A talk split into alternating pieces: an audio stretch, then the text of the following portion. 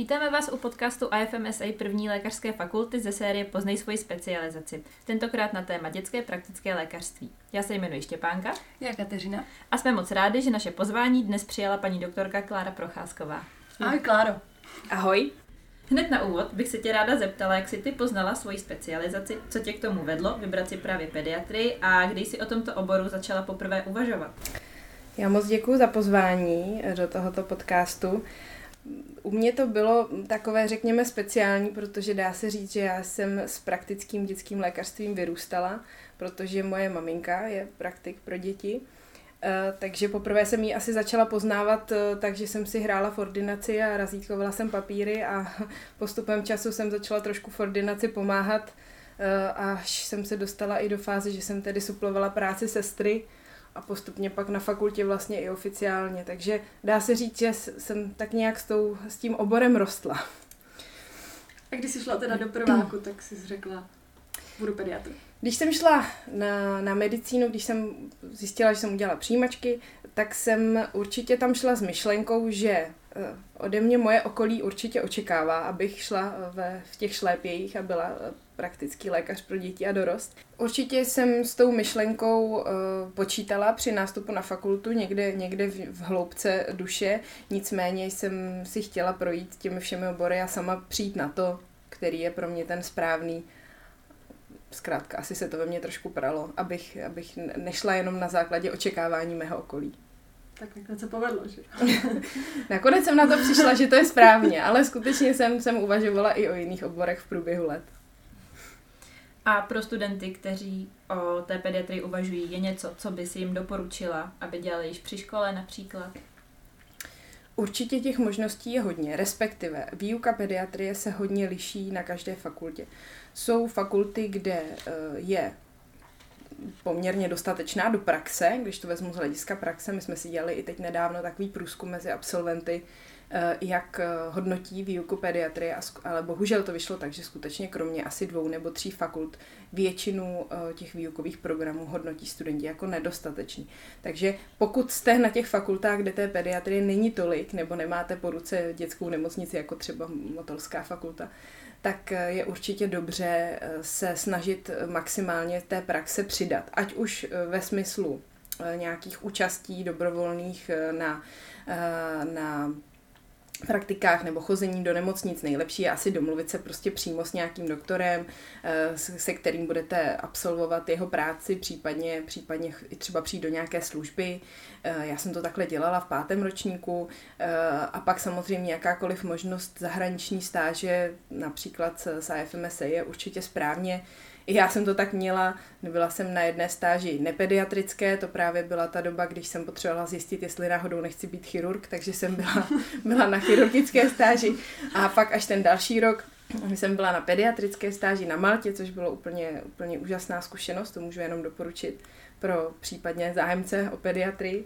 Eh, a tam se mi to dá se říct asi už úplně utvrdilo, takže ona ta praxe vám, vám řekne, Určitě, určitě je dobře. A co ještě je potřeba říct, tak i studenti můžou chodit na různé vzdělávací akce organizované eh, nejenom fakultami, ale třeba i potom těmi odbornými společnostmi.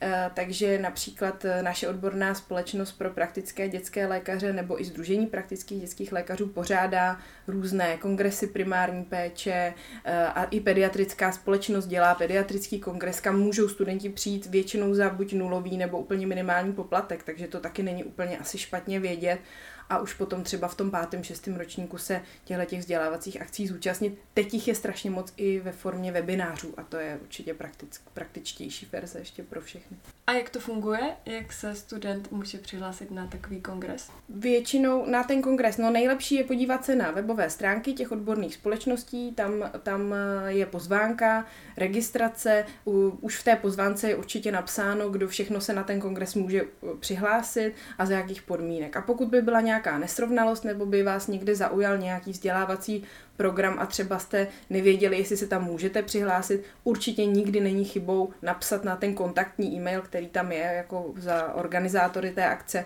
a oni vám potom odpoví, jestli je to možné nebo ne, ale troufám si říct, že téměř vždycky to určitě možné je. Většinou i zdarma. Tak to je určitě dobrý tip. No. Tak a mohla by si říct, A pro koho je pediatrie vhodným oborem? Pro koho se tak hodí? A jestli tato práce vyžaduje speciální dovednosti nebo vlastnosti? No, uh, určitě člověk, který chce být pediatr, tak musí počítat s tím, že bude Eh, pracovat s dětmi a že bude pracovat s rodiči. To jsou, to jsou dvě důležité věci, které si člověk musí uvědomit a eh, když si byste si to představili, tak na, na komunikaci s oběma dvěma skupinami je potřeba eh, si vymezit čas abyste si získali dítě, aby vám věřilo, aby s váma spolupracovalo, tak to chce čas a samozřejmě musím říct, že v dnešní době asi ještě víc času vyžadují ty rodiče než ty děti. Takže skutečně asi člověk by měl být trpělivý asi bych nedoporučovala cholerikovi, který chce být se vším rychle hotový, dělat pediatry. To si myslím, že asi není úplně ten správný charakterový typ člověka. A, ale t, t, určitá schopnost trpělivosti a hlavně empatie si myslím, že je úplně nejpodstatnější, protože když se naučíte eh, nebo máte tu schopnost eh, toho člověka poslouchat, tak máte schopnost i mu poradit a být mu jakoby dobrým psychologem, což u nás u nás v našem oboru je opravdu strašně důležité, protože dost často ty vystrašené maminky nebo rodiče prostě potřebují hlavně uklidnit a, a tak nějak uh, si, si ty věci srovnat. Takže uh, trpělivost, empatie a asi není úplně od věci taková možná nějaká určitá dětinskost nebo uh, zastydlá puberta nebo infantilita, nevím, jak to, jak to úplně pojmenovat, ale myslím si, že to ty děti vycítí, když ten člověk je trošku takovýhle je, tak potom s ním jako výrazně snáze navážete tu komunikaci. To určitě jako je prospěšný. A je horší komunikace s rodičema nebo s dětmi? Určitě s rodičem. Většina, většina lidí se bojí uh, pediatrie, protože se bojí, že to dítě jako pacient jim nebude uh, moc uh, vlastně ne, no, neřekne, co jim je, že dítě neřekne, kde ho to bolí, co ho bolí, jaká je ta bolest, to už nemůžete, nemůžete chtít po dítěti, aby řekl, jestli je ostrá, tupá, nebo, nebo jaká. Kam vyzaduje. Tak, přesně, takže to, to, to je samozřejmě těžký. A i já jsem se tohle bála asi nejvíc a určitě jsem se nejvíc bála práce s dětmi, protože jsem ani s tím neměla až tak moc velkou zkušenost. Ale musím říct, že ta komunikace s rodiči je určitě výrazně složitější v dnešní době, kdy, kdy rodiče nebo obecně asi pacienti moc nedůvěřují lékařům nebo tu důvěru si prostě musíte vybudovat. A, a tak je to opravdu těžké. Takže z toho důvodu si myslím, že eh, spíš, spíš to, to, ta komunikace s tím dítětem nebo ta práce s tím dítětem je vlastně, dá se říct, docela za odměnu někdy v porovnání s tím časem, který strávíme s těma rodičema. Hmm. Dokázala bys nám nějak popsat, co čeká mladého lékaře po dokončení studia, když se rozhodne stát pediatrem a jak funguje systém postgraduálního vzdělávání? U nás se situace změnila v roce 2017, protože od té doby eh, existuje jenom jeden obor pediatrie. Do té doby byly eh, zvlášť obor pediatrie, respektive dětské lékařství a zvlášť praktické dětské lékařství. Teď už máme obor jenom jeden. Pro vás, jako pro budoucí absolventy, to má určitě tu výhodu, že když se přihlásíte do tohle oboru, eh, tak v tu chvíli nemusíte ještě vědět, co vlastně chcete z té pediatrie dělat.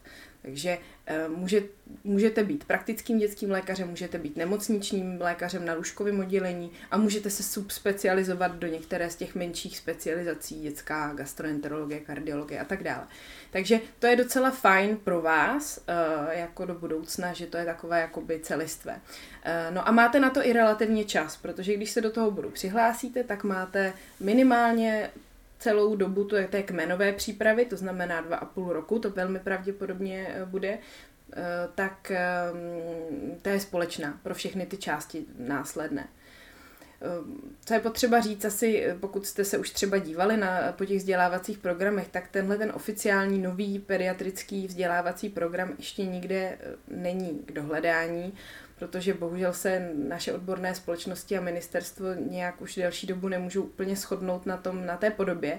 Nicméně dobrá zpráva je určitě, že teď se skutečně už vychytávají jenom drobné mouchy a, a už se to finalizuje a doufám, že během několika týdnů, nejdéle měsíců, by už eh, to měl, měl ten finální program spatřit světlo světa. Co víme určitě, takže celá ta příprava trvá 4,5 roku eh, předatestační, že z toho těch, ten, eh, těch 2,5 roku je kmen, ten kmen je zakouš, zakončený zkouškou a potom uh, už se to trošičku rozvětuje, respektive už podle toho, co si rozhodnete, že chcete dělat, tak si můžete trošičku vybrat jak, jak ten těch následujících vlastně dva a půl eh, nebo dva roky budou vypadat. Což si myslím, že je docela fajn, že to není striktně pro všechny stejné. Takže pokud chcete být praktik pro děti, tak můžete například eh, strávit víc času v té ordinaci eh, praktického dětského lékaře, pokud chcete být třeba, už víte, že budete chtít dělat dětskou gastroenterologii nebo dětskou psychiatrii, tak už třeba v nějakém variabilním mm, úseku eh, časovém můžete plnit některé stáže, které se vám třeba započítají až do té nástavbové přípravy. Protože když chce být člověk subspecializován, tak vlastně musí eh, po atestaci z pediatrie ještě dál studovat. Tam se potom liší ta délka v závislosti na těch jednotlivých oborech, ale průměrně to bývá tak něco mezi rokem a půl až dvěma lety dalších stáží. A vy vlastně v tom novém programu ten umožní už si třeba aspoň pár měsíců udělat jakoby dopředu, že se to do toho uzná, takže to potom bude o to kratší. No. A když konkrétně pro toho praktického lékaře dětského budoucího by to mělo vypadat tak, že by, po, že by z těch 4,5 let měl strávit vlastně minimálně 12 měsíců v ordinaci praktického lékaře. Eh, bude tam prostor i pro více měsíců, protože jsou tam, je tam takové jakoby variabilní okno, ve kterém je zahrnutá mm, stáž, nebo jsou zahrnuté stáže v různých odborných ambulancích, což jsme taky strašně rádi, protože to v tom původním vzdělávacím programu nebylo ani v jednom. Takže ten lékař bude moct strávit čas na ORL, na dětské neurologii, kož, ale i třeba kožním a tak dalších oborech všech, které se nám vlastně hodí do té naší obrovsky široké pediatrie. Uh, takže to, myslím si, že ten, ten program bude určitě udělaný pěkně, finálně. A řeší se tam takové ty rezidenční místa jako u praktického lékaře pro dospělé? Uh, reziden, systém rezidenčních míst se řeší určitě, je to vlastně teda dotační pro, program z, z ministerstva, který byl založen právě pro obory, kde je personální krize nebo nedostatek, což praktické lékařství pro děti i dospělé je. Především to pro děti je teďka opravdu na tom velmi špatně a, a bohužel i špatně bude, protože věkový průměr eh, dětského praktika v Čechách je 58 let. Uh, nicméně ten systém těch rezidenčních míst vlastně na nějakou dobu určitě pomohl tím, že se teďka trošičku eh, prodloužila ta doba tvorby toho vzdělávacího programu, tak to nám zase úplně nepomohlo popravdě, protože chápu absolventa, že se do toho oboru hmm. nepřihlásí, když úplně neví jako jeho náplň, to tomu rozumím, ale teď už to snad teda letos konečně klapne. Uh, aby, aby se to dokončilo. Takže systém rezidenčních míst určitě eh, funguje a funguje teďka na dvojí bázi. Buď můžete se přihlásit na rezidenční místo ke školiteli, který je praktický dětský lékař, mm-hmm a zaměstnává vás on jako praktický dětský lékař a vysílá vás na stáže do těch nemocnic a, a abyste absolvovali všechno, co je prostě v tom vzdělávacím programu a e, nebo už za o rezidenční místa může zažádat i nemocnice. Takže už i jako dětské oddělení nebo primář nebo přednosta dětské kliniky může být vaším školitelem a provázet vás tím rezidenčním místem. E, v podstatě je celkem jedno, pokud byste se chtěli přihlásit touhletou formou eh, do, do, do, do toho oboru pediatrie, tak je celkem jedno, kdo bude vaším školitelem, ale jestli můžu poradit, tak pokud už víte, že chcete být praktický dětský lékař, nebo pra- pravděpodobněji, že se tam jednou chystáte do té ordinace, tak je určitě prak- lepší a praktičtější, aby vaším školitelem byl ten praktik, protože ta práce v nemocnici a v ordinaci se opravdu poměrně výrazně liší. Sama jsem tři, tři roky v nemocnici pracovala a dalších pět let teď teda v ordinaci a ten rozdíl je opravdu veliký. A ten, ten školitel v ordinaci, ten praktik, se kterým pracujete, vám opravdu může dát eh, nejvíc. A jako průvodce tím vzdělávacím programem je to určitě lepší. Ale na druhou stranu, pokud třeba se to nepodaří a nedostanete se třeba k praktikovi jako školiteli a je vaším školitelem primář, tak rozhodně to neznamená, že nemůžete být praktickým dětským lékařem a dobrým praktickým dětským lékařem samozřejmě. Takže ty, ty cesty jsou různý. Eh, do oboru pediatrie se ale samozřejmě můžete dostat i běžně, to znamená, že si normálně eh, přihlásíte na místo, které vypíše nemocnice eh, jako běžný, běžného zaměstnance tam akorát určitě doporučuji začít s tím hledáním hodně včas. Eh, ideálně asi na začátku šestého ročníku už si trošku poohlížet a nebojte se primářům klidně napsat. To, že nemají nikde, nikde vyset jako nabídku práce pro absolventy, což samozřejmě kolikrát eh, jsou radši za někoho zkušenějšího než za absolventa, tak eh, to neznamená, že vás třeba nevezmou. A nebo přesně už třeba vědí, že budou mít nějaká ta rezidenční místa a můžou vám říct třeba jasně, nevezmeme, vám na, nevezmeme vás na klasický poměr zaměstnanecký, ale budeme, budeme, budeme vás mít na tu dotaci z ministerstva. Pro ně to je samozřejmě taky výhodný, protože ty peníze nejdou od nemocnice, ale od ministerstva. Takže uh, určitě se nebojte se jich zeptat. V každém případě ten systém těch rezidenčních míst se tváří docela složitě, ale není to tak hrozný. Sama jsem tím prošla, ještě teda tím původním programem praktického dětského lékařství a rozhodně se to dá zvládnout, není potřeba se toho bát. A co je důležité, tak můžete v tom systému těch rezidenčních míst tu práci sehnat i v podstatě až opravdu po skončení školy. Uh, ono se to bohužel vypisuje i docela pozdě, to je mi teďka naše snaha je eh, dotlačit ministerstvo k tomu, aby ty rezidenční místa vypisovaly dřív, protože většinou se dozví ten lékař, který si jako školitel zažádal o to rezidenční místo, tak se dozví, že ho získal třeba eh, někdy v červnu. Mm-hmm. takže to je poměrně hodně pozdě. Ale zase to je pak šance pro vás, když třeba jste si ne, ne, ne, nemohli jste nikde sehnat místo, tak máte velkou naději, že třeba přes to léto si právě do toho rezidenčního místa ještě dostanete. No, ale v každém případě, co ještě potřeba říct, takže se výrazně zvyšují dotace na uh, toho rezidenta a uh, ten plat, který dřív býval třeba za mě ještě z toho rezidenčního místa opravdu hodně mizerný, tak teď už se opravdu rovná, dá se říct, normálnímu platu nástupnímu v nemocnici, takže je to hrozně dobře, že se to už srovnalo takže to rozhodně není nějaká úplně charita.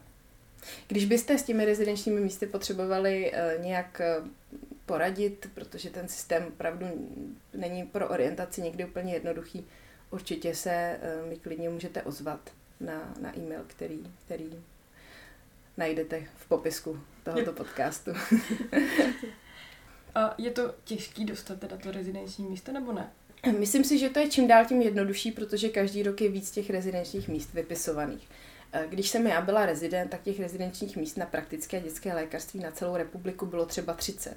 Takže tam skutečně vím, že někteří moji kolegové třeba museli se zúčastnit třeba pěti nebo i víc výběrových řízení u těch, u těch jednotlivých školitelů, aby, aby pak aspoň jedno z nich dostali ale teď jich si skutečně uh, kolem stovky, což je docela dost. A docela se nám spíš i stává, že dokonce některé rezidenční místa zůstávají volná, takže se pak třeba až jako ex post uh, nakonec někým naplní i třeba během až podzima, takže uh, troufám si říct, že to teďka je spíš docela jednoduché, a, ale není určitě chybou se třeba přihlásit k více, více těm školitelům, abyste prostě měli větší šanci, že se někam dostanete opět ten seznam těch školitelů, to znamená, to je taky docela důležité samozřejmě vybrat si dobrého školitele. Jak to máte poznat? No, vy budete mít šanci eh, pokud se nám podaří trošičku upravit ten, to pre, ten pregraduální systém uh, pediatrie, protože teďka momentálně v jednání, jsme v jednání s děkany fakult, Eh, tak eh, je pravděpodobné, že se zařadí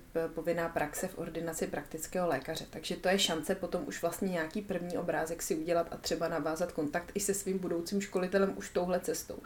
Ale zase, eh, v podstatě, pokud byste chtěli poradit i ve vašem okolí, jednak můžete samozřejmě najít seznam těch akreditovaných pracovišť je na stránkách jak ministerstva, tak na stránkách těch našich odborných společností, ale když byste chtěli konkrétně poradit, určitě taky se můžete i mě ozvat, eh, můžu, můžu, můžu poradit, jak budu moc. Protože je pravda, že to je před samozřejmě strašně důležité. Ale troufám si říct, že většina těch školitelů, kteří mají akreditaci, tak jsou kvalitní školitelé. Já si předpokládám, že to taky záleží na lokalitě. Určitě. Praze Určitě. to bude těžší než...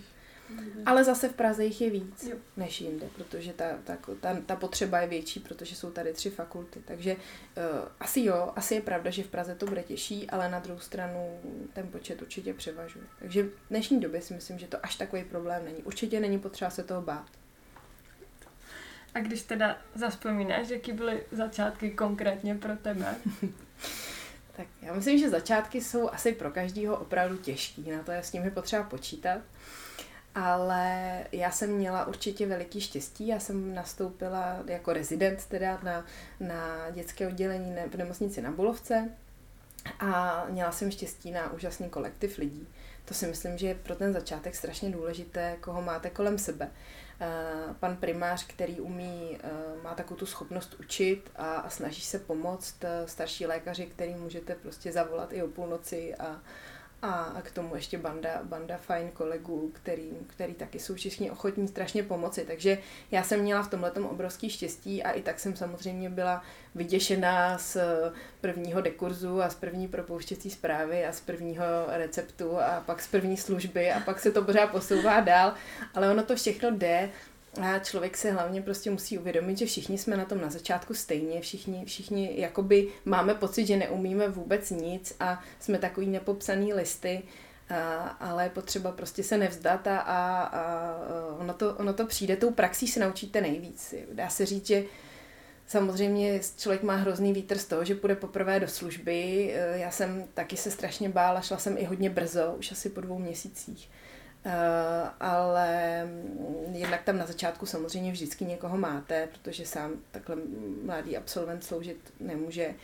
Uh, takže to je jedna věc a druhá věc je, že tou praxí se skutečně naučíte úplně nejvíc a z těch službách, kdy se musíte rozhodovat uh, sám a vymýšlet to sám, tak to, ten mozek to prostě donutí pracovat a, a, a skutečně je to pak ve výsledku vlastně ku prospěchu. Možná taková rada, na kterou si vzpomínám, že mi hrozně pomohla od jedné mojí starší kolegyně, tak když jsem začala sloužit, tak eh, a bála jsem se samozřejmě takových těch akutních věcí, že něco přijede a já nebudu vědět dávkování léku, to je taková zrada v pediatrii, že se musí počítat všechno na váhu dítěte, to je takový trošku, trošku zrádný.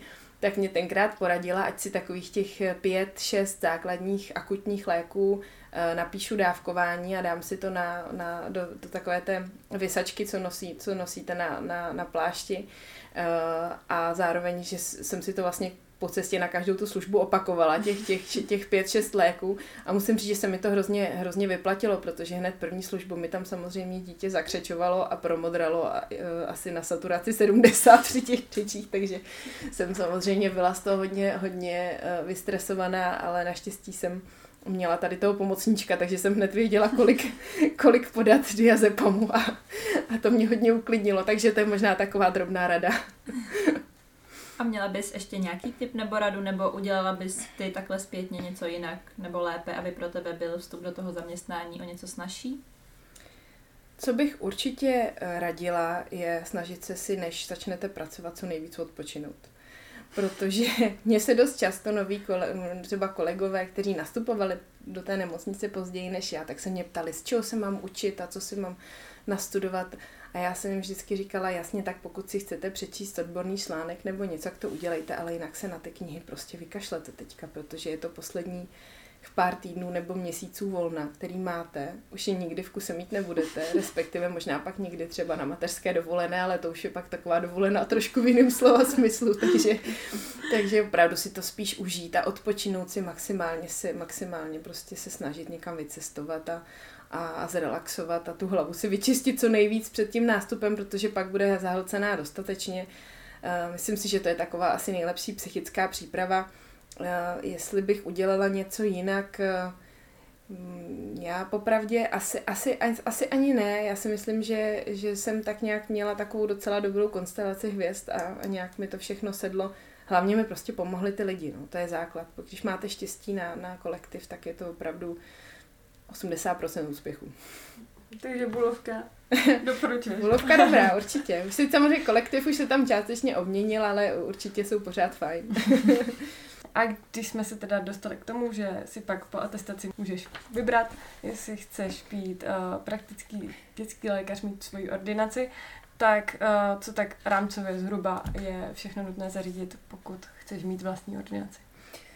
No, uh, tam je potřeba si uvědomit, že jsou dvě uh, cesty. Uh, člověk, uh, dost často žena v našem oboru, to je ještě vlastně potřeba říct, že my jsme takový feminizovaný obor poměrně hodně, což je možná trošku škoda, ale je to tak. tak logicky přemýšlí po atestaci většinou nad tím, že teda asi chce ještě mít nějakou rodinu a, a než se pustí do, té, do, do, do provozování vlastní praxe, protože mít vlastní praxi je v podstatě podnikání. A je logické, že tenhle krok prostě člověk asi před dětma většinou úplně dělat nechce, pokud nemáte eh, kolegyni, se kterou tam budete, nebo nemáte, že jste domluvené, že se zastoupíte v době třeba té mateřské dovolené, tak spousta z, z mých kolegů, já jsem to měla vlastně myšlenkama úplně stejně, že bych se asi do toho úplně hned nepouštěla. Ale obrovská výhoda je ta, že v dnešní době je naprosto normální, že jste jako praktický dětský lékař zaměstnaná. Můžete být zaměstnaná třeba u toho svého školitele, kterého jste absolvovala prostě to, to, to rezidenční místo, což je samozřejmě úplně ideální, zvlášť pokud třeba se s tím školitelem i domluvíte, že v horizontu třeba deseti let po něm tu praxi převezmete, tak je to úplně ideální, protože tam už znáte, znáte to prostředí, znáte ty pacienty, znáte systém, jak funguje ta ordinace, takže to je určitě nej, jako nejlepší způsob a tak nějak pozvolně se do toho hezky dostanete a i to převzetí té praxe potom je výrazně snažší. Takže určitě se nebát zeptat se na zaměstnanecký poměry. Musím říct, že to je i výhoda oproti třeba nemocnici. Mám tu zkušenost, že řada eh, primářů nechce dávat částečné úvazky. Třeba eh, eh, kolegyně, co jsou na mateřských, ale rádi by začali chodit třeba na jeden den v týdnu nebo chtějí chodit na dvě odpoledne, nebo tak, tak ta nemocnice jim to dost často vůbec neumožní. Takže mají jedinou šanci, že můžou chodit třeba na noční, když si chtějí něco přivydělat, což taky není úplně s těma dětma samozřejmě ideální. Takže to v tom praktickém lékařství je určitě výhoda, že doufám si říct, že ty praktici, my praktici rozhodně nemáme vůbec žádný problém eh, zaměstnat někoho opravdu i na malý úvazek. Uh, ale pokud se teda potom už lékař rozhodne, že je v té fázi, že by chtěl podnikat tedy sám na sebe, tak má dvě, dvě možnosti. Buď tu praxi po někom převezme, to znamená přebírá vybavenou, fungující, zavedenou praxi s celou klientelou, s celou kartotékou, prostě se vším všudy, Eh, tam je to samozřejmě trošku jednodušší, protože už tam jsou nastavené nějaké smlouvy s pojišťovnami, eh, různé vše, všechny ty doklady, které jsou potřeba pro hygienu a pro kraj a pro všechny instance, se kterými musíte prostě komunikovat nějak jako, jako, ta, jako to zdravotnické zařízení v podstatě, tak je to určitě jednodušší cesta. Eh, složitější cesta je, když zakládáte ordinaci novou, anebo přebíráte praxi, která před nějakou dobou zanikla protože to se taky teď děje, tím, jak je, jak je, je málo těch praktických dětských lékařů, tak ty kolegové prostě bez náhrady skončí, někteří pacienti přejdou jinam a některý, některý prostě třeba doktora ani nemají a, a jejich karty leží někde na krajském úřadě a potom ten doktor to má ještě trošku složitější. V každém případě jakákoliv nová firma nebo nová fyzická osoba, která chce otevřít nějaké zdravotnické zařízení, nebo jenom se třeba pře- přebírá, tím pádem se třeba přejmenuje eh, ta ordinace nějak, na to, podle toho nového majitele, tak eh, musí eh, projít výběrovým řízením, které vyhlásí kraj, protože mm, kraj eh, a pojišťovny regulují počet zdravotnických zařízení vždycky v tom daném kraji nebo okresu podle dostupnosti péče, aby vlastně byla dostatečně dostupná, ale zároveň pojišťovny nedávají smlouvy prostě zbytečně moc velkému množství zdravotnických zařízení. Takže ten proces je poměrně složitý, asi nemá tuhle chvíli smysl, abych to nějak víc rozváděla, protože bychom zabíhali do nudných detailů, ale eh, co je potřeba říct, tak na všechny ty postupy jsou vypracované dobré návody. My se teď snažíme s mladými kolegy i udělat takovou nějakou eh, elektronickou, více řekněme eh, friendly formu, aby to bylo pokud možno co nejvíc nápomocné. A zároveň to je zase ta obrovská výhoda prostě toho systému těch školitelů a rezidentů například, že pokud máte toho svého školitele, tak i když třeba není on ten, po kom tu praxi přebíráte, tak všichni prostě vám s tím strašně pomůžou.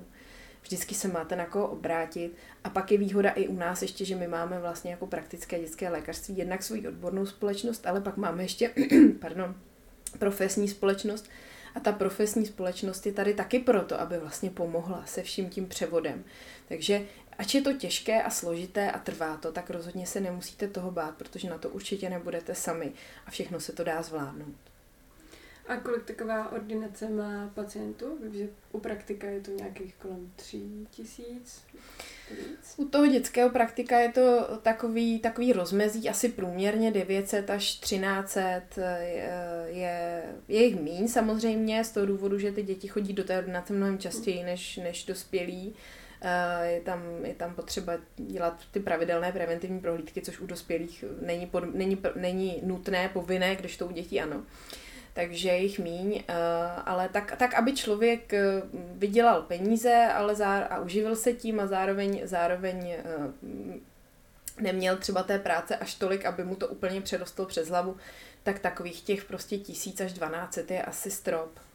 My třeba máme v naší ordinaci asi 1900 pacientů a jsme na to dvě, nebo řekněme, no asi dvě, protože když dáme ty úvazky dohromady, tak dvě. no. Takže a i tak máme té práce hodně, mm. protože ono záleží samozřejmě, když to člověk chce dělat pořádně, tu práci, tak zkrátka je to časově náročný. No, to je, to je jako potřeba si uvědomit, ale, ale zase ten dobrý pocit z toho, že, to, že, že většinu těch věcí vyřešíte sami a ne, neposíláte potom toho pacienta nikam dál, je určitě zase ta zpětná vazba pozitivní, kterou člověk potřebuje.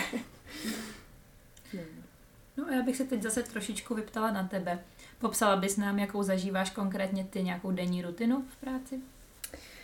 No, určitě. Každý ten den eh, je rozdělený na takové, řekněme, dvě až tři části, eh, protože každý den máme ordinaci, která je určená pro nemocné nebo pro ty akutní případy, kdy někdo něco potřebuje.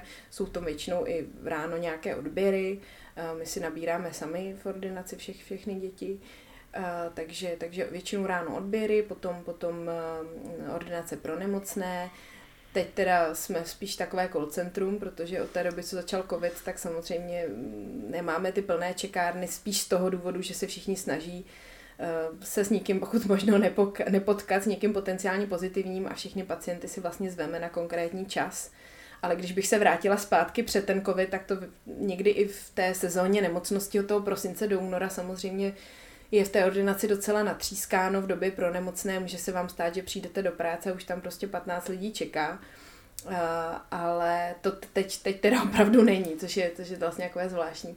Nicméně, takže ordinace pro nemocné, no potom uh, většinou v odpoledních hodinách uh, máme ordinaci pro zdravé děti, kam chodí děti na preventivní prohlídky a na očkování.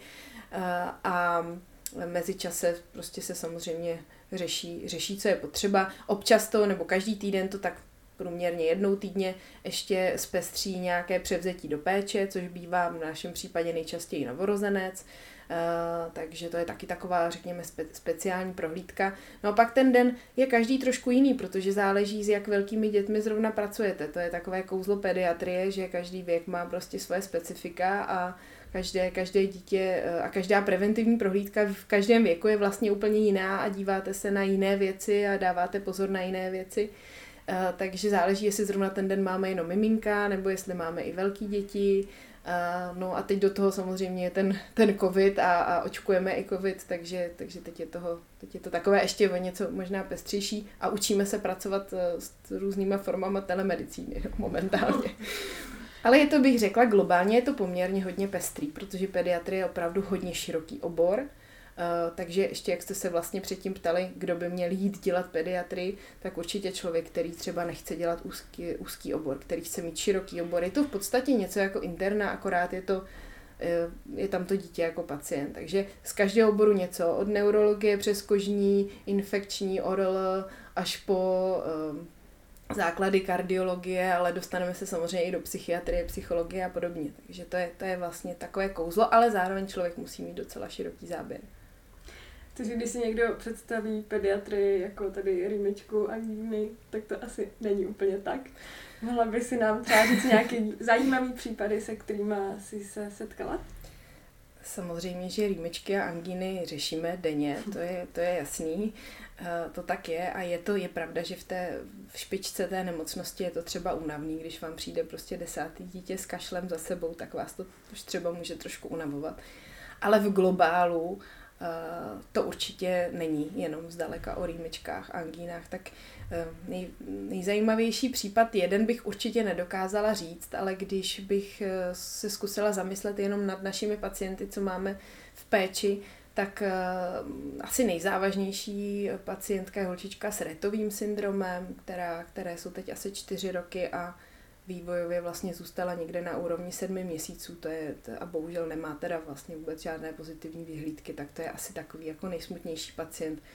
Pak máme jednoho uh, chlapce, nebo ono už mu je vlastně 18 teďka, uh, po hm, dětské mozkové obrně takovou tu jako nejtěžší formu, takže ten je víceméně jenom ležák, tam to je taky takový hodně hodně emotivní samozřejmě, a, ale um, pak z takových těch, které mají, řekněme, snad trošku lepší vyhlídky, tak to jsou děti s cukrovkou prvního typu, jsou to uh, děti, které